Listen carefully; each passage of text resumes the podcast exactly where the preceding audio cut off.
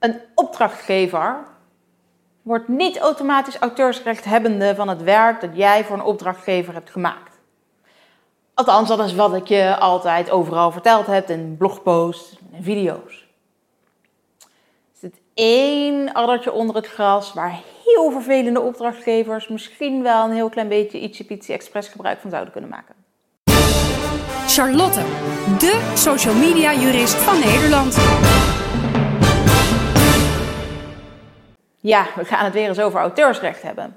Want als jij een opdrachtnemer bent en je hebt een opdrachtgever die een openbare instelling is, een stichting of een vereniging of een vennootschap. Ik vat het uh, een beetje kort door de bocht, altijd maar samen als een rechtspersoon. Dan heb je misschien wel een probleem. Het is namelijk zo dat als een rechtspersoon een werk eerst zelf openbaar heeft gemaakt, alsof het bij die rechtspersoon zelf vandaan komt. En jouw naam als natuurlijk persoon, als maker van dat werk, er niet bij heeft vermeld, dan wordt die rechtspersoon de auteursrechthebbende. Ja. En jij maar denken, dat ben ik toch?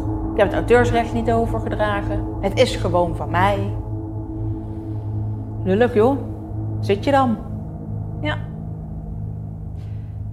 De enige oplossing is als je kunt aantonen dat het onrechtmatig was.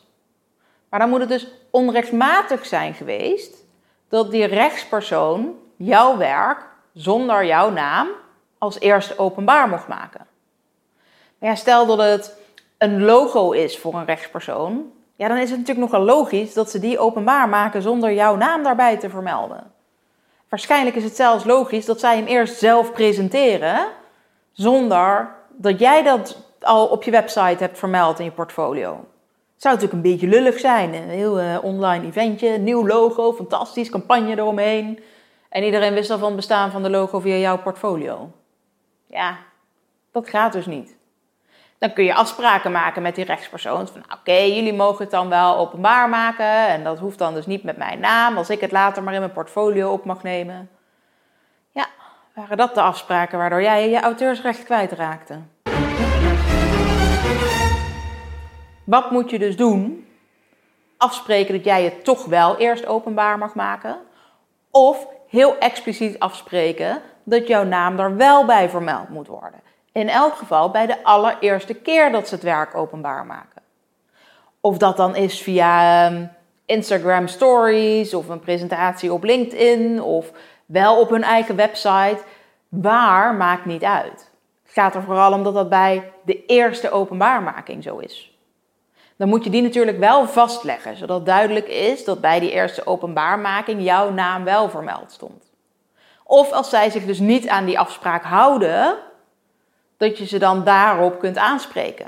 Mochten zij dan beweren dat eh, zij de auteursrechthebbende zijn van jouw werk, dat jij dan kunt zeggen: nee hoor, kijk maar, want we hebben expliciet afgesproken dat mijn naam daarbij vermeld moest worden. Heb je dus een opdrachtgever die een rechtspersoon is en willen zij een werk ook zonder jouw naamsvermelding kunnen gebruiken, besef dan dat zij daarmee eigenlijk al het auteursrecht krijgen. Nee, ik vind ook geen eerlijke regeling. Ja, je zou daar best anders over kunnen denken. Maar tot nu toe zit de rechtspraak zo in elkaar dat rechters er toch zo letterlijk naar die bepaling kijken. En zo'n rechtspersoon dan het auteursrecht geven. Jij moet dus zorgen dat jouw prijs dan eigenlijk al bepaald is alsof je het auteursrecht zou overdragen. Want dan is het namelijk niet zo erg meer. Dan heb je gewoon gekregen wat je anders ook gevraagd zou hebben als je daar wel vooraf mee had ingestemd dat het auteursrecht overgedragen zou worden. Dat lijkt me sowieso een verstandig iets als het gaat om huisstijlen en dat soort zaken. Ja, wat moet jij met de huisstijl van een klant, behalve dat je het in je portfolio mag laten zien? Dat is dan natuurlijk wel weer verstandig om af te spreken in algemene voorwaarden. Dat je het misschien pas op een later moment mag publiceren, maar dat jij wel wil kunnen laten zien wat jij gemaakt hebt voor je opdrachtgever, ondanks dat zij nu de auteursrechthebbende zijn.